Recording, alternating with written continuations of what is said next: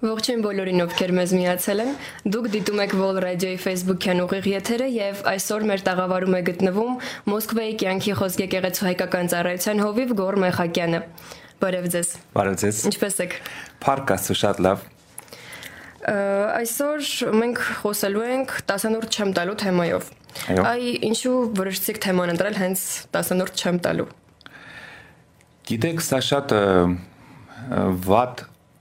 բարակապակցություն է, որը ես լսել եմ տարբեր ժամանակներում տարբեր մարդկանցից։ Ու ինքը իր հետևում շատ-շատ ինչ որ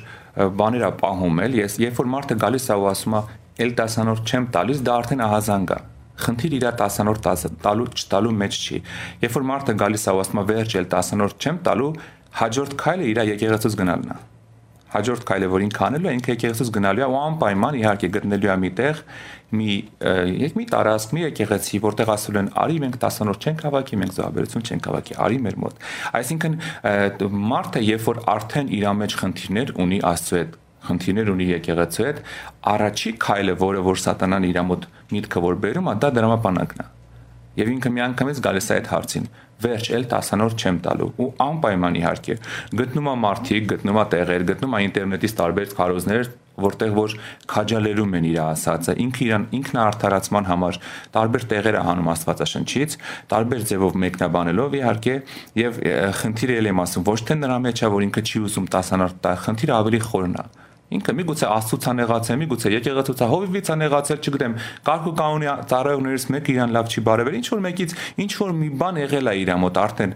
ուղղակի սա անձնական փորձից եմ ասում, երբ որ մարդը գալիս ու ասում է, «Էլ 10-րդ չեմ տալու», ես չեմ հարցնում ինչու չես տալու, ասում եմ, «Ինչ խնդիր ունես» որովհետև խնդիրը ավելի խորն է։ Դրա համար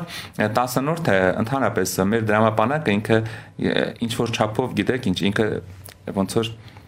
կատալիզատոր է մեր վերաբերմունքի, մեր հարաբերությունների Աստծո հետ։ Ինքը միանգամից ցույց է տալիս, հա, մարդը եթե սրտով բաց է, ինքը եթե ինքը իրոք Աստծուն տրված ամբողջ սրտով, այնքան այնքան էժանանում է դրամապանակը իր իր եւ ինքը դրամապանակի հետևից չի գնում։ Օրինակ ինձ երբ որ ասել են պիտի 10-րդ տաքս, երբեք չեմ հարցրել ինչի տամ չեմ հասկացել ինչի տամ ասել են եկեղեցում 10-րդ են տալ ես ուղակի տվել եմ որտեվ սիրտս բացել էի իմ համար դժվար չէր ինձ իմ մոտ եկած գումարների 10%-ը հատկացնեմ ասում ընդհակառակը պատիվ էր իմ համար ել չեմ ասում զոհաբերությունը ես իմ երեխաներին գիտեք մեկը 10 տարեկան է մեկը 14 ես երևի մեկը 6 էր, մեկը 10 այդ տարիքում են Նյու Յորք կանչեցի իրանց, երբ որ սկսեցին իրանց մոտ գումարներ հայտնվել։ Ասենք, ինչ որ մեկը գումար էր օրհնում եւ ես իրանց մի օր կանչեցի, ասեցի, լսեք, առաջի բանը, որ ես ուզում եմ դուք անեք, դուք պիտի այսպեսի մի քայլ անեք։ Ինչ գումար ուզում ա ձեզ օրհնեն, առաջի քայլը, որ ուզում եմ անել, դա ձեր սկիզբն է, ֆինանսապես հոգևոր աշխարհում ճիշտ մուտք գործելու համար։ Դուք պիտի անպայման 10-անորդ տակ եւ 10% զոհաբերություն տակ։ Դա ես սովորացրել եմ իմ երեխաներին եւ ուրիշ բան էլ եմ ասել, սա սկիզբն է։ Ստեղից սկսեք։ 10-րդը միշտ կմնա 10-րդ, զոհաբերությունը ինչքան կարող եք բարձրացրեք։ Տարիների ընթացքում թող բարձրանա մի մնացեք նույն տեղում, որովհետեւ եթե ինքը գիտեք, այնքան էժան է, երբ որ ես ասում եմ Հիսուս, սիրում եմ քեզ, ես ինչ ես արել դու իմ համար, կյանքս քեզ կտամ, բայց դրամապանակից չկպնես։ Սա էժան է, սա սա քրիստոնեական չի։ Դրա համար 10-րդ չտալու մեջ արդեն երևում է որոշ որոշ հակասություններ մարդին մարդուն ներսում տիրոջ հետ կապված, որոշ ինչ որ կռիվներ, հա։ Իսկանը։ Դրա համար հենց այս այս թեմայի այս վերնագրով էլ ես ուզեցի որ խոսենք ել 10-րդ չեմ տալու։ Շատ լավ։ Այ ինչ է 10-րդը ըստ Աստվածաշնչի եւ արդյոք պարտադիր է տալ 10-րդ Աստծուն։ Եթե 10-րդ բառը ձևակերպենք ըստ Աստվածաշնչի, այսինքն եթե բնենք մեր մարդկային մեր այսօրվա բառերով մատուցենք, հա, པարս շատ པարս բանաձև, հա, բոլոր մեր բոլոր եկամուտների 10%-ը։ Մարդիկ միշտ շփոթում են եկամուտ հասկացությունը եւ իրանք մեկ-մեկ մտածում են ձերքս ինչ գումար եկավ, պիտի 10%-ը տամ։ Գիտեք, դա այդպես չի, որովհետեւ օրինակի համար եթե ես եթե ես գնել եմ, ասենք, ավտոմեքենա արդեն 10-րդ տված գումարով, գնել եմ 10000 դոլարով եւ վաճառում եմ 11000 դոլարով, ես 1000 դոլարի 10-րդը պիտի տամ եկամուտիս ոչ թե 11000-ի, որովհետև եթե 11000-ի տասանորդը տամ, իմ մոտ կմնա 9900, ավելի քիչ, քան թե ես գնել եմ։ Այսինքն իմ գործարքը կլինի հետ գնացող, ոչ թե առաջ գնացող։ Դրա համար մարդիկ մեկ-մեկ շփոթում են, մտածում են, ինչ գումար գալիս է, պիտի տասանորդը տամ։ Տասանորդը եկամուտի 10%-ն է։ Այսինքն, երբ որ դու ասենք, օրինակ, ասենք դու խանութում ես աշխատում, ամբողջ ամսվա մեջ արել ես 10 միլիոն դրամի առևտուր, պետք չի 1 միլիոնը 10 որպես 10-րդ դու պիտի հաշվես քո դրած գումարը քո ինչքան է եղել քո եկամուտը ամսվա վերջում եթե եղել է 100 ռուբլի 100 դրամ հա 100 դրամի 10 ռուբլի 10 դրամը դուր տասանորդ դու քո եկամուտից պիտի հաշվես ու հավատարիմ լինես եկամուտի տասանորդի մեջ ոչ թե ամբողջ գումարի դրա համար տասանորդ եթե ձևակերպենք կարելի է ուղղակի այսպես ասել մեր բոլոր եկամուտների 10 տոկոսը։ Այ օրինակ ինչի հենց 10%-ը կարող է լինել 20-ը կամ 30-ը։ Տեսեք, դա, դա մեր որոշելով չի, այսինքն այնպես չի, որ մենք մտածել ենք ու ասել ենք եկեք 10%-ը տանք կամ լավ եկեք 12-ը տանք 12 ամիս է գոնե եկեք 12-ը տանք առաքյանները 12 էին ամիսները 12 են լիքը 12 կա աստվածաշնչում կարող եկեք 7-ը տանք հա 7 օր հա լիքը 7-եր կան աստվածաշնչում չգիտեմ եկեք 50-ը տանք որովհետև հոբելյար տարին է եկեք 50-50 տանք հասկանում եք բանը խնդիրը նրանում է որ դա մենք չենք որոշում ինչը տանք ես միշտ սենց եմ ասում մարդիկ մոտենում են ինձ ասում են կարամ 15-անորդ տամ ասեմ գիտեք 10-նորդ պիտի տաս դրանից ավել ինչ տալիս ես դա արդեն զոհաբերություն է դա գիտեք իմ իմ մոտ էսպիսի մի աֆորիզմ եմ էլի ես գրել կարելի ասել 10-նորդը դա հնազանդություն է զոհաբերությունը դա երկրպագություն է աստծուն այսինքն երբ որ 10-րդ ես դու ուղղակի հնազանդվում ես քո բաժին հնազանդությունն ես անում իսկ զոհաբերությունը արդեն 10-րդից ավել ինչ տարես ես դա արդեն երկրպագություն է տիրոջ երբ որ դու գալիս ես իր առաջ ոչ միայն շուրթերով ոչ միայն ձեռքերով այլև քո դրամապանակորով ես երկրպագում Դրա համար էր Աստված ասում իմ առաջ դատարկ չերևակ, հա, հին ուխտում ասում էր մեկը դատարկ չերևա, չէր հարցնում գումար ունես թե չի, ասում էր դատարկ չերևաս։ Ոնց էս ինձ երկրպագելու դատարկ գրպանով։ Իսկ ինչ վերաբերվում է ինչի հենց 10%-ը, տեսեք, դա ասենք դա մեզանից չի կախված, դա ասենք եթե դուք նայեք հին ուխտով, Աբ รา համը գրված է որ Մելքիսեդեկին 10-անորդ տվեց, ինքը 20-անորդ չտվեց։ Հակոբը 10-անորդ խոստացավ ավել չխոսացավ մեր նոր ուխտում երբ որ շեշտվում է 10-անոց Հիսուսը անգամ շեշտում էր չէր ասում 30-անորդները ասում է երբ որ ձեր 10-անորդները տալիս եք Փարասեցինեն երբ որ դիմում էր։ Եբրայեցիս թղթի հեղինակը նույնպես դիմելով ինքը դիմումը խոսում է 10-անորդի մասին, ոչ թե 20-անորդի կամ ավել։ Իսկ իրականում երբ որ մարդիկ ասում են 10-անորդը օրենք է, օրենքում 10-անորդ գոյություն չուներ, օրենքում 23.3% էր։ Հрьяաները 10-անորդ չէին վճարում, որովհետև իրանք վճարում էին 2 հատ 10-անորդ, մի հատ էլ 3 տարին 1 10-անորդ, եւ որ դա բաժանում ես լինում է 23.3%։ Իրանց 10-անորդը 23.3% էր։ Այսինքն սա օրենքի հետ կապ չունի, ինչեւ օրենքներ, օրենքի ժամանակ էր, օրենքից հետո էր, որովհետև ես այդ հարցին կանդրադառնամ, իհարկե դա ավելի խորն էր եւ դա վերաբերվում էր մեր ու Աստծո հարաբերություններին, ոչ թե ինչ որ ինչ որ աշխարհի հետ կապված ինչ որ կենցաղային հարցերի։ Շատ լավ, այ օրինակ կա նման տեսակետ, որ 10-րդը դա հին ուխտինն է եւ օրենքին է պատկանում, իսկ մենք քանի որ նոր ուխտի հավատացյալներ ենք ու նոր ուխտում չի անդրադարձ, անդրադարձ չի կատարվում 10-րդին, մենք կարող ենք չտալ 10-րդ։ Տեսեք, երբ որ ասում են 10-րդը դա օրենք է, երբ որ ասում են 10-րդը դա հին ուխտ էր, իրանք ի նկատի մարդիկ միշտ ի նկատի ունեն ոչ թե հին ուխտը ամբողջությամբ, իրանք ի նկատի ունեն Մովսեսի օրենքը Երբ որ ասում են դա օրենք էր, դա մեր համար չէր։ Մենք ես ուզում եմ ուղղակի, չգիտեմ, միգուցե լավ կլինի անդրադառնանք, հա, Սուրբ գրքին։ Հա, իհարկե։ Որովհետև եթե մենք նայենք, տեսեք, ես հիմա կարդամ, օրենքը դեռ ընդհանրապես գոյություն չուներ։ Տեսեք, ծննդոց 14-րդ գլուխ 17 խոսքից եւ Սոդոմի թակավոր դիմավորեց նրան, երբ որ նա Գոդողա Գոմորի եւ նրա հետ ինող թակավորների կոտորուց հետ էր տարել դեպի Շավե ձորը, այսինքն թակավորի ձորը։ Եվ Սաղեմի թակավոր Մելքիսեդեկը հաց ու գինի դուրս բերեց, եւ նա բարձրալ Աստծո քահանա էր։ Նա օրհնեց նրան եւ ասեց. Օրհնյալ լինի Աբ รา համը երկնքի եւ երկրի արարիչ բարձրալ Աստծոց, եւ օրհնյալ լինի բարձրալ Աստվածը, որ քո ճշնամիներին քո ձեռքը մատնեց։ Եվ նա ամենիցը 10-նորդ տվեց տվեց նրան։ Ես ուզում եմ ստեղ կանգնենք, տեսեք, Ինչ վերաբերում է 10-նորդին, բառը 10-նորդ, Աբ รา համը 10-նորդ տվեց։ Կա որ պատկերացնենք ինչի 10-նորդ։ Մենք մեզանից չենք հորինում, մենք չենք դնում, սա ինչ որ, գիտեք, մեկ-մեկ ես այսպես բան եմ լսում, եկեղեցական ռեկետ է 10-նորդը, սա հիմարություն է։ Հա եկեղեցին ինչ որ բանդիտների ինչ որ հավաքույթի, որ ռեկետով զբաղվի ինչ եմ ուզում ասեմ, տեսեք, հիմա իրականությունը, որ երբ որ ասում են սա հին ուխտ է, եկեք նայենք, սա շատ པարզ գրված է, որ նախ տեսեք Աբրահամը եկավ բերեց իր ամբողջ ավարը ինչով ինչ որ կար եւ գրածա իր ամբողջ ավարից 10-անորդ տվեց բայց ես ուզում եմ ավելի խորը ըմբռնենք այս պահը հիմա եկեք մի հատ հասկանանք ինչ ոնց է սկսվում այս պատմությունը եւ Սաղեմի թակավոր Մելքիսեդեկը հաց եւ գինի դուրս բերեց եւ նա բարձրալ Աստծո քահանա էր ուզում եմ այս մասը պահենք ու մենք գնանք Եբրայեցիս 7-րդ գլուխը տեսեք գրված է որ Մելքիսեդեկը բարձրալ Աստծո քահանա էր ու ինչ արեց հաց եւ գինի դուրս բերեց, հա։ Հիմա ես ուզում եմ կարդամ Մելքիսեդեկի մասին։ Եբրայեցիս 7-րդ գլխում, որովհետև այս Մելքիսեդեկը Սաղամի Սաղեմի թակավորն էր, բարձրյալ Աստծո քահանա, որ դիմավորեց Աբրահամին, երբ որ նա թակավորները կոտելուց հետ էր դառնում եւ օրհներց նրան։ Եվ որին Աբրահամը ամեն բանից 10-րդ էլ տվեց։ Նա առաջ թարգմանվում է արդարության թակավոր, Սաղեմի թակավոր, որը խաղաղության թակավոր։ Հիմա ուշադիր լսեք Մելքիսեդեկի մասին է։ Անհայր, անմայր, առանց ազգատողմի, որ ոչ օրերի սկիզբ ունի, ոչ կյանքի վերջ, այլ Աստծո որդու նման եղած կենում մնում է քահանա մշտենջենական։ Տեսեք, երբ որ խոսում է Մելքիսեդեկի մասին, ինքը խոսում է նրա մասին, որ մեկն էր, ով ճուներ սկիզբ, ճուներ վերջ։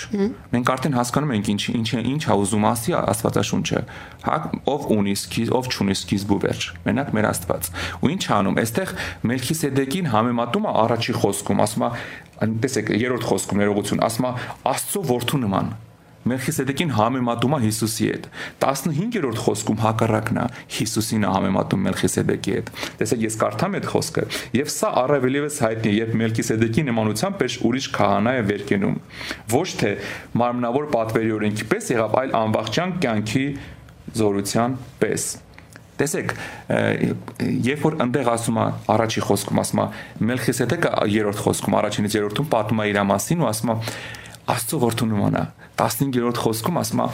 Մելքիսեդեկին նման քահանա է Հիսուսը այսինքն մեզ մի բան է պետք հասկանալ որ Մելքիսեդեկը դա հավիտյան քահանա է ոնց որ Հիսուսը մենք ես չեմ ուզում շատ խոր այս մասին խոսամ, հա, ինձ թվում է པարզա։ Դրա համար էլ ոչ մի բան պատահական չէր։ Մելքիսեդեկը գիտեք, երբ որ Աբրահամը եկավ, ինքը չդիմավորեց իրան, ասենք, չգիտեմ, իսրայելական խուրմայով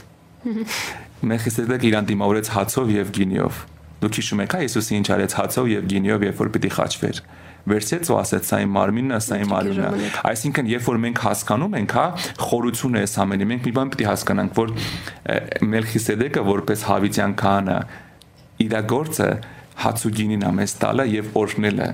իր գործը հաղորդությունն ու օրգնությունն է մեր կյանքում մեր գործն էլ տասնորդ տալն է սա մենք տեղերը պիտի չխառնենք սա սա օրենք չէ սա հավիտյան գիտեք ինչ հավիտյան քահանայությունն է մենք չենք տալիս օրենքի դիրքից մարդկանց մենք չենք տալի տասնորդը որովհետև մովսեսի օրենքն է ասում դու դու մենք հավիտենացիան դիրքից ենք տալի սրանք տարբեր բաներ են մենք հрья չենք մենք հին ուխտի օրենքի տակ չենք որպեսի օրենքի տակ տասնորդ տանք մենք հավիտենական քահանայության դիրքից եթե ինքը քահանայա քահանայ Մոնային պետքա պատվել, ինչպես որ ինքը մինչև այսօր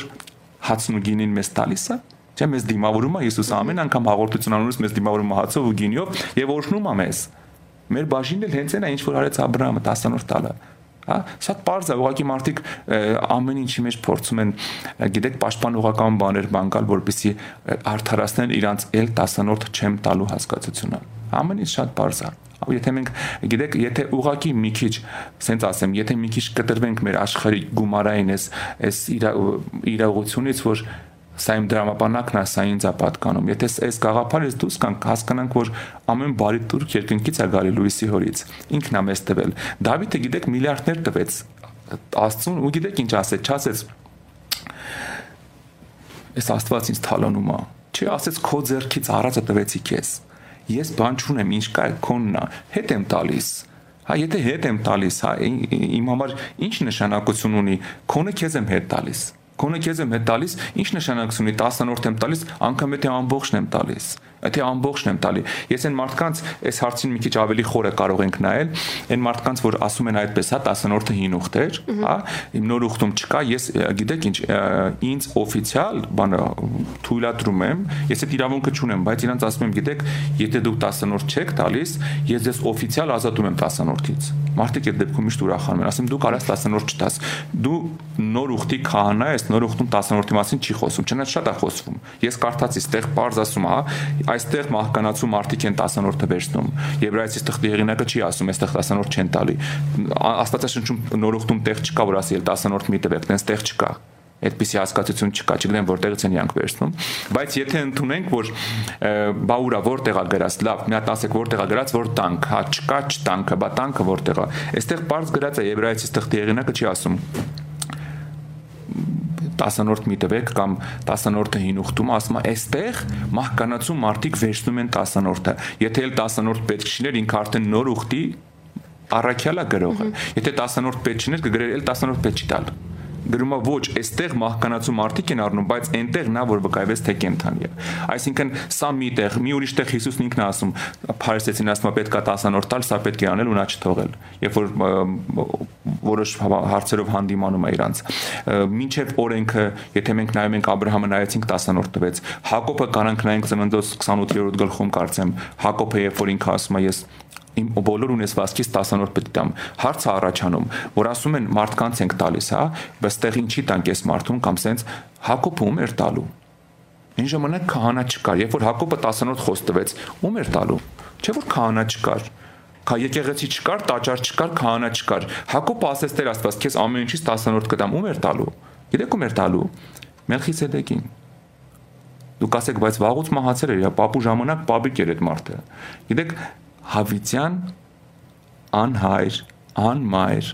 անազգահամար, Հավիտյան կենումա ոչ սկիզբունի, ոչ վերջ, Այսինքն բաներ կա, որ մեր գաղափարից, մեր մտածելակերպից դուրս է։ Մենք փորձում ենք պրիմիտիվ ձևով ինչ որ մոտենալ հարցին ու փորձում ենք ինչ որ մեր սեփական կարծիքները ասել։ Դե գիտես ինչ կա սենցա, գիտես ինչ կա նենցա։ Չեմ տալու վերջ, սա ճիշտ չի։ Ես միշտ ասում եմ, այն մարդիկ ովքեր որ ասում են ճիշտ չի եկեղեցում 10-րդ տալը, ասում եկեք փորձարկում անենք,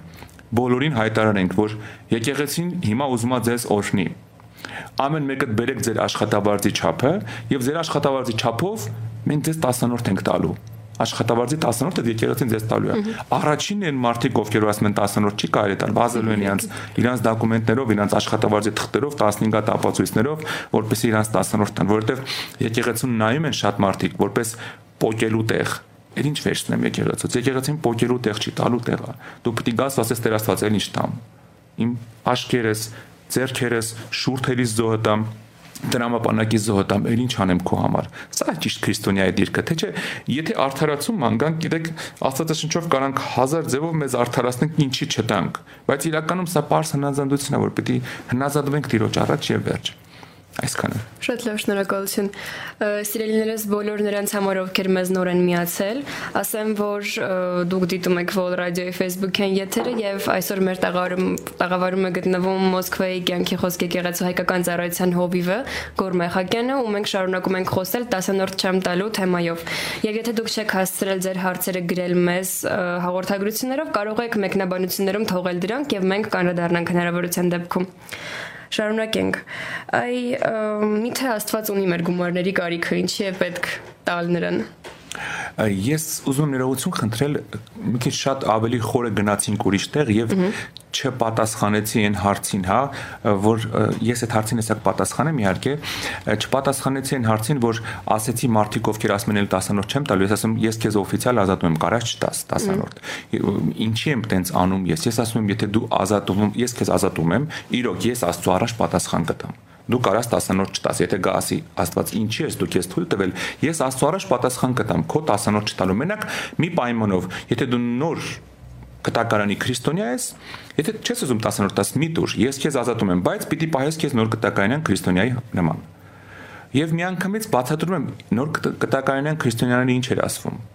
Երբ որ Հովանես Մկրտիչը ասում էր ինչ ունես, չունես, եթե երկու հատ վերարկու ունես կամ բաշխոն ունես, մեկը մեկը դուր հարևանիդ, Այսինքն եթե երկու հատ հեծանիվ ունես, մեկը տուր, երկու հատ մեքենա ունես, մեկը տուր, երկու հատ ունես, մեկը տուր։ Այսինքն Հովանեսը մինիմում 50%-ներ ուզում։ Եվ մարդկանց ասում, եթե 10-ով չես ուզում, 10, ես քեզ ասում եմ 50-ը տուր։ Ասում եմ, մետի հələ սկիզբն է, արի գնանք մի քիչ ավելի խորը նոր կտակարանի մեջ, որպեսզի տեսնենք նոր կտակարանում ինչ էին անում։ Երբ որ կարդա գործարակելը 4-րդ գլուխը գրված է մարդիկ ով ինչ ուներ ամբողջը վաճառում էին, բերում դնում էին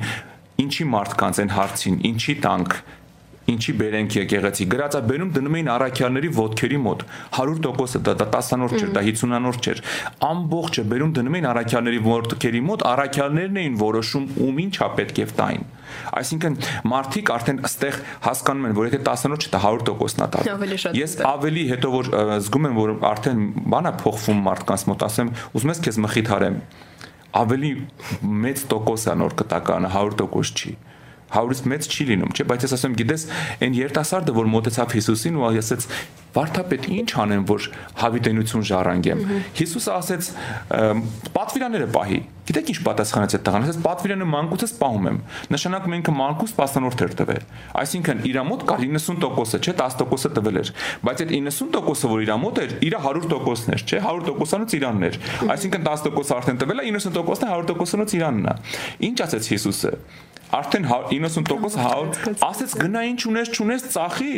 արի հետևի ինձ խաչդ այսինքն գիտեք ինչ դուս եկա որ այդ 100%-ը Հիսուսը վերցեց իրա 110% իրանից գնաց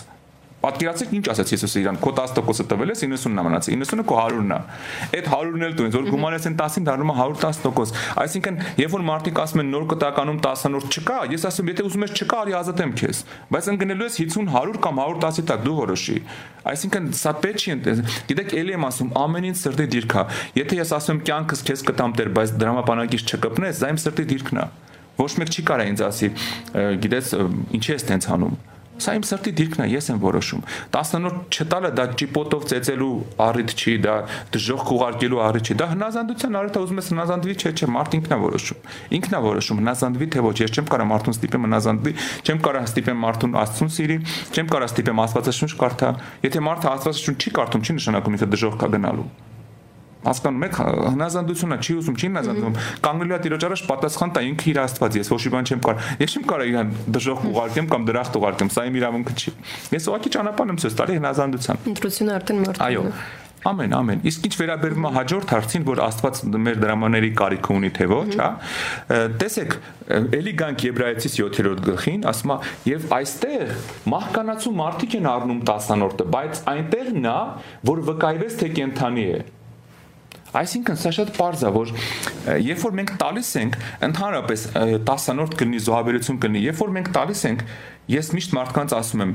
դու մարդու չես տալի։ Անկամ եթե քո ձեռքից վերցնում է մարդը, դու մարդու չես տալի։ Երբ որ տալիս ես, Հիսուսն է քո ձեռքից վերցնում։ Հա, որովհետև ֆիզիկական աշխարհում մարդն է վերջնում, բայց հիշում եք Հիսուսը ինչ ասաց. Եթե ինչ որ մեկին մի բան անում ես, ինձ ես անում։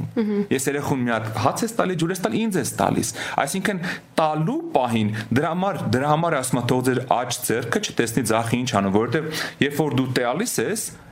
Հիսուսն է վերցնում։ Հիսուսը վերցնում է, փոխանցում է դիմացինին։ Դրա համար դիմացինը քեզ ոչինչ պարկ չի ել որտեվ դու իրան չես տվել։ Երբ որ այդ դիրքից ես տալի, երբեք չես ամեն անգամ իրան տեսնելու չես ասում մտքումդ մոռացել է մեքենանը վերտվեցի։ Հəլ մոռացել է սոված էր հա, 5000 դրամ դրեցի գրպանը կամ 10000 դրամ։ Հասկանում եք, փոխվում է մտածելակերպը։ Դու հասկանում ես, որ դու այդ մարդուն չես արել։ Ու այդ մարդու չունես ոչ մի ստանալիք, սпасելիք, որովհետև դու արել ես տիրոջը։ Դու տվել ես այդ մարդուն ֆիզիկական աշխարհում, այստեղ մահկանացումներն են վերջնում, բայց այնտեղ Աստված է ընդունում։ Եվ Աստված ոչ թե ֆիզիկական մեր գումարների կարիք ունի, Աստված մեր հնազանդության կարիք ունի։ Իսկ գումարները, գումարները իրան գնում են եկեղեցական կարիքներ դրացնելու համար։ Եթե դուք կարդաք հին ուխտում շատ པարզ գրված է մարդիկ 10-նորդ չէին տալի, քահանաները փախել էին տաճարից, գնացել իրենց տները, իրենց ագարակները, որպեսզի ընտանիք պահեն։ Այսինքն բա իրանք ես ես միշտ զարմանում եմ մարդկանց վրա։ Երբ որ գալիս եք նստում եք այդ փափուկ աթոռի վրա, այդ թանկարժեք երաժշտական գործիքները, թանկարժեք այդ դինամիկները, միկրոֆոնները, որոնք որ ապահովում են ձեր կոմֆորտը, որ նստեք, լսեք, տակ տարածքում նստեք, լսեք։ Եթե 10-նորդ չեք տալի, գնացեք մի ոտի վրա վերջում կանգնեք, մի նստեք։ Մի ոտքի վրա կանգնած այդտենց ան, անհարթ վիճակով անցկացրեք ձեր օրը եկեղեցում։ Եթե չեք ուզում ինչ որ ձևով դուք օգնեք, հա, եկեղեցում շատ-շատ բարձ է։ Եկեղեցին կարիքներ ունի, որը պետք է հոգա, Աստված էլ դա դրել է Աստծո ժողովրդի վրա։ Ինքան բարձ է։ Այսքանը։ Բայց մյուրիշ կողմից օրինակ շատերը թեկուզ ինչ որտեղ որպես արդարացում ասում են չեմ տալիս տասանորդ, որտեվ չգիտեմ թե իմ գումարներ ուր են գնում ու այլ կերպ ասած չեն վստահում եկեղեցուն։ Շատերն էլ ասում են, որ բիզնես է ինչ որտեղ շատ հետաքրքիր հարց է ես չեմ էլ գիտեք ինչ սենց ասեմ չեմ էլ հերքում որովհետև Աստվածաշունչը ասում է շատ անօրինության պատճառով շատերի սերը կսարճի։ Ես չեմ երկում այսօր այսօրվա այսօրվա իրականության մեջ այնպես է որ ամբողջ աշխարհում սփռված եկեղեցիներ կան ամեն տեսակի բիզնես էլ կա մարդիկ կան որ իրոք իրականում իրանց ճիշտ չեն պահում ես չեմ կարող մարդկանց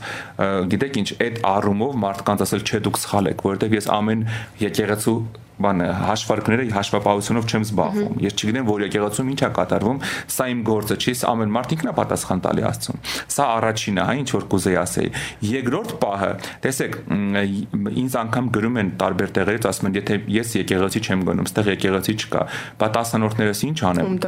Ինչ երկու տարբերակ կասում եթե ոչ եթե ինչ որ մի տեղից սնվում ես, թեկուզ YouTube-ով, թեկուզ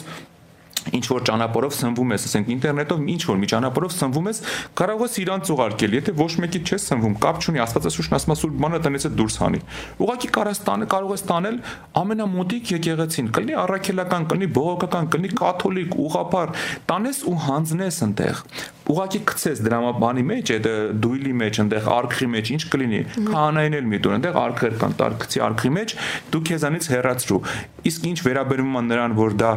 դու չգիտես ինչ են անում։ Ես նոր ասեցի, այդ լավա որ դու չգիտես ինչ են անում։ Նախ դա քո գումարը չի, ինչ վերաբերում է 10-որդին։ 10-որդը Աստծունն է։ Դու հետ ես տալի Աստծուն, անողը թո մտածի, ինքը ինչ պատասխան տա Աստծուն։ Դա քո իրավունքը չի, որ ասես, տեսնեմ իմ 10-որդը ուր է գնում։ Դա քոնը չի, դա Աստծո ուզածը Իրանը հետ ես տալի Իրան։ Աստվածաշունչը ասում է ամբողջ 10-րդը սուրբ է իմն է, ամբողջ 10-րդը բերեք Աստծո տուն։ Այսինքն դու քո սուրբ բանը մի ուրիշ տեղ ասում է տնից ես հանեցի։ Դու սուրբ բաները տնից ես հանում ես, թե դա ոնց կօգտագործվի, դա օգտագործողի խղճի վրա է։ Ես ասում եմ անգամ եթե մարդկանց ասում եմ, եթե քո աշկի առաջ քո 10-րդը դու 10 10-րդ քո աշկի առաջ ճղեն այդ գումարը թափեն, դու միևնույն է շարունակի տալ Այ արդյոք ճիշտ է ասո խոսքի այսպիսի ընկալումը։ Եթե 10-րդ չտանք, ապա անեցքի տակ ենք։ Միթե այս դեպքում 10-րդը չի լինում վախով եւ չի լինում պարտադրանք։ Սխալա, ինչի՞ց է գալիս ընկալումը, որ ընկալումը գալիս է նաեւ այն շատ հաճախ այն քարոզներից, որ իրանք լսում են։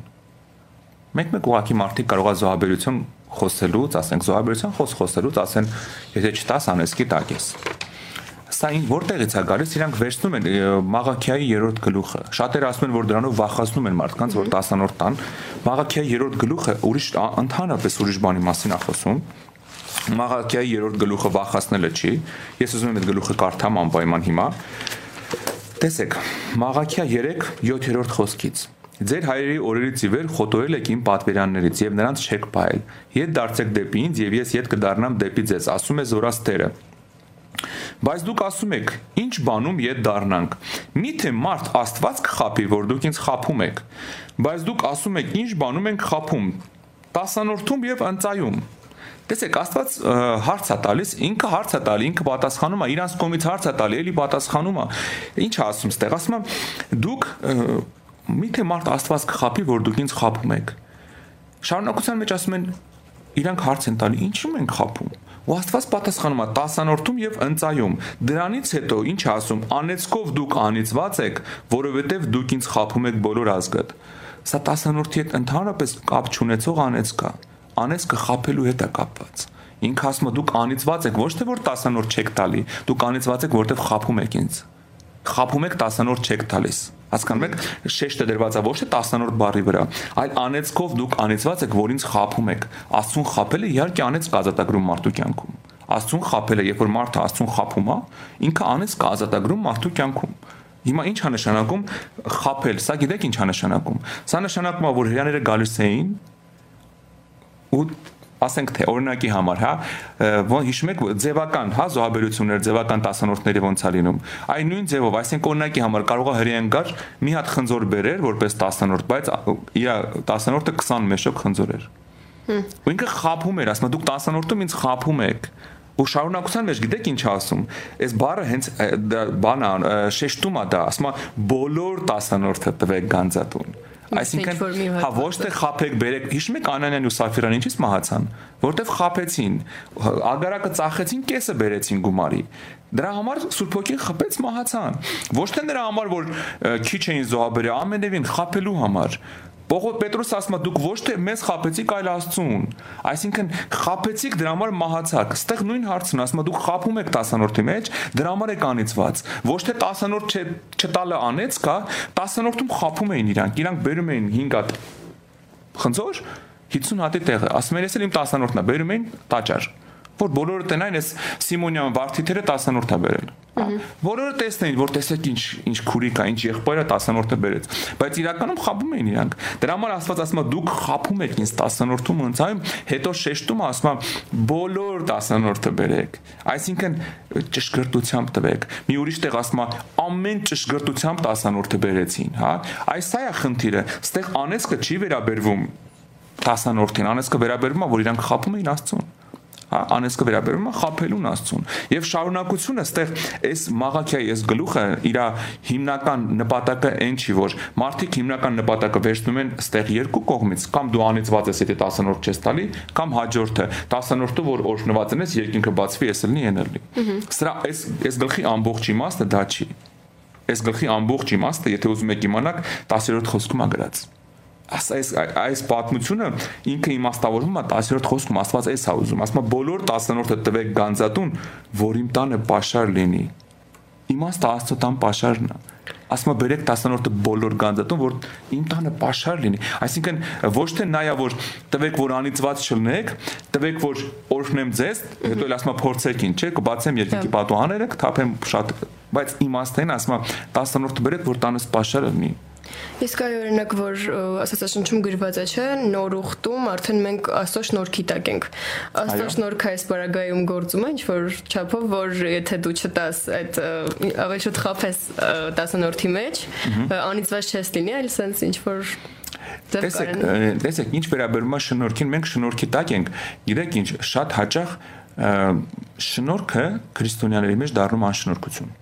Երբ որ իրանք մտածում են իրանք շնորհքի տակ են, իրանք ամեն ինչ կարելի է։ Այս վերջ վերջի տարիներին նոր նոր շնորհք է տարածվել, որը որ կոչվում է այտենց, չգիտեմ, անսահման շնորհք, ինչ ուզում ես արա, մեկը դու շնորհքի տակ ես։ Արդեն շնորհքը դառնում է անշնորհքություն։ Երբ որ ասում են ես 10-րդ չեմ տալի, որովհետև շնորհքի տակ եմ, դա շնորհք չի, անշնորհքություն է։ Ինչի համար։ Ինչի համար, որովհետև գիտեք ինչ,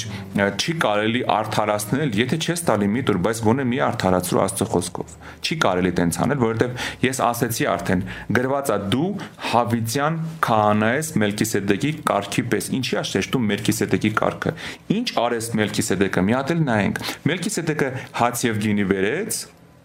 հաղորդությունը տվեց եւ օրհնեց Մելքիսեդեկի ծառայությունը, Աբրահամի ծառայությունը որն էր, իրան 10-րդ տար։ Ինքան པարզ է այս ամեն ինչը։ Եթե Հավիտյան քահանայ է Մելքիսեդեկի կարգի պես, ոչ թե օրենքի կարգի պես, Մովսեսի կարգի պես, Մովսեսի տված 10-րդի, ասած 10-րդի կարգի պես, Մելքիսեդեկի կարգի պես, ինչև Մովսեսը, եւ այդ Մելքիսեդեկի կարգը ինքը հավիտենական քահանայությունն է։ Մենք չենք տալի օրենքի դիրքից, մենք չենք տալի շնորհքի դիրքից, մենք տալիս ենք հավիտենության դիրքից հասկանում եք քահանան հավիդյան քահանա է մենք քահանային պիտի պատվենք ոչ միայն 10-րդով մեր զոհաբերություններով մեր շուրթերի երկրպագությունով մեր ձեռքերի երկրպագությունով մեր ժամանակի երկրպագությունով դա հավիդյան քահանա է որը որ հավիդյան երկրպագության կարիք ունի Շնորհակալություն շատ։ Հիշեցնեմ ձեզ, որ դուք կարող եք ձեր հարցերը, ձեր հուզող հարցերը գրել մեկնաբանություններում ու մենք անպայման կանրադառնանք դրանց։ Իսկ այ օրինակ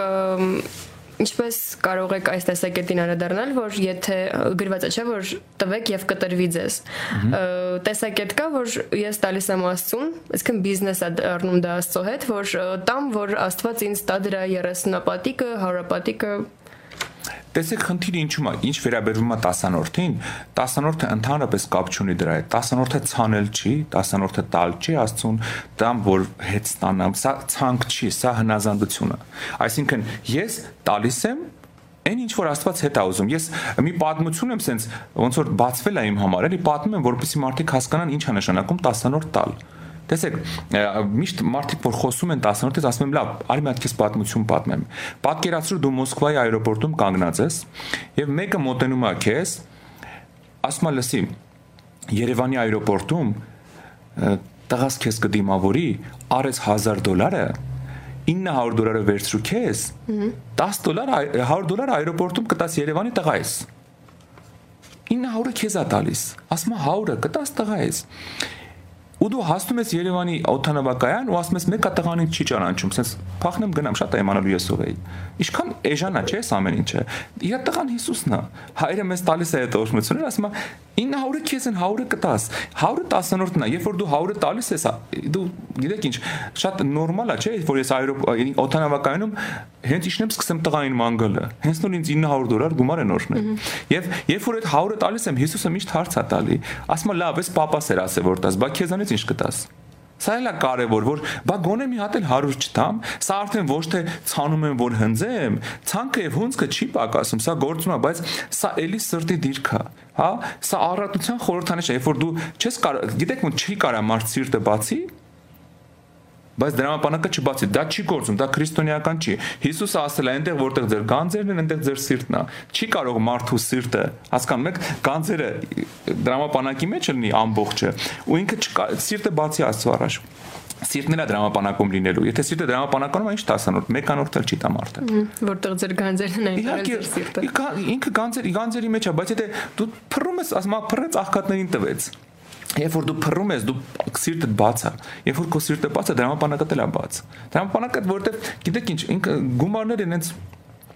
շատ հետաքրքիր ծառայեն, պիտի թույլ տաս ծառայեն քեզ։ Բայց շատ մարդկանց համար իրանք իրանց թակավորն են, իշխանն են, իրանց գլխին են։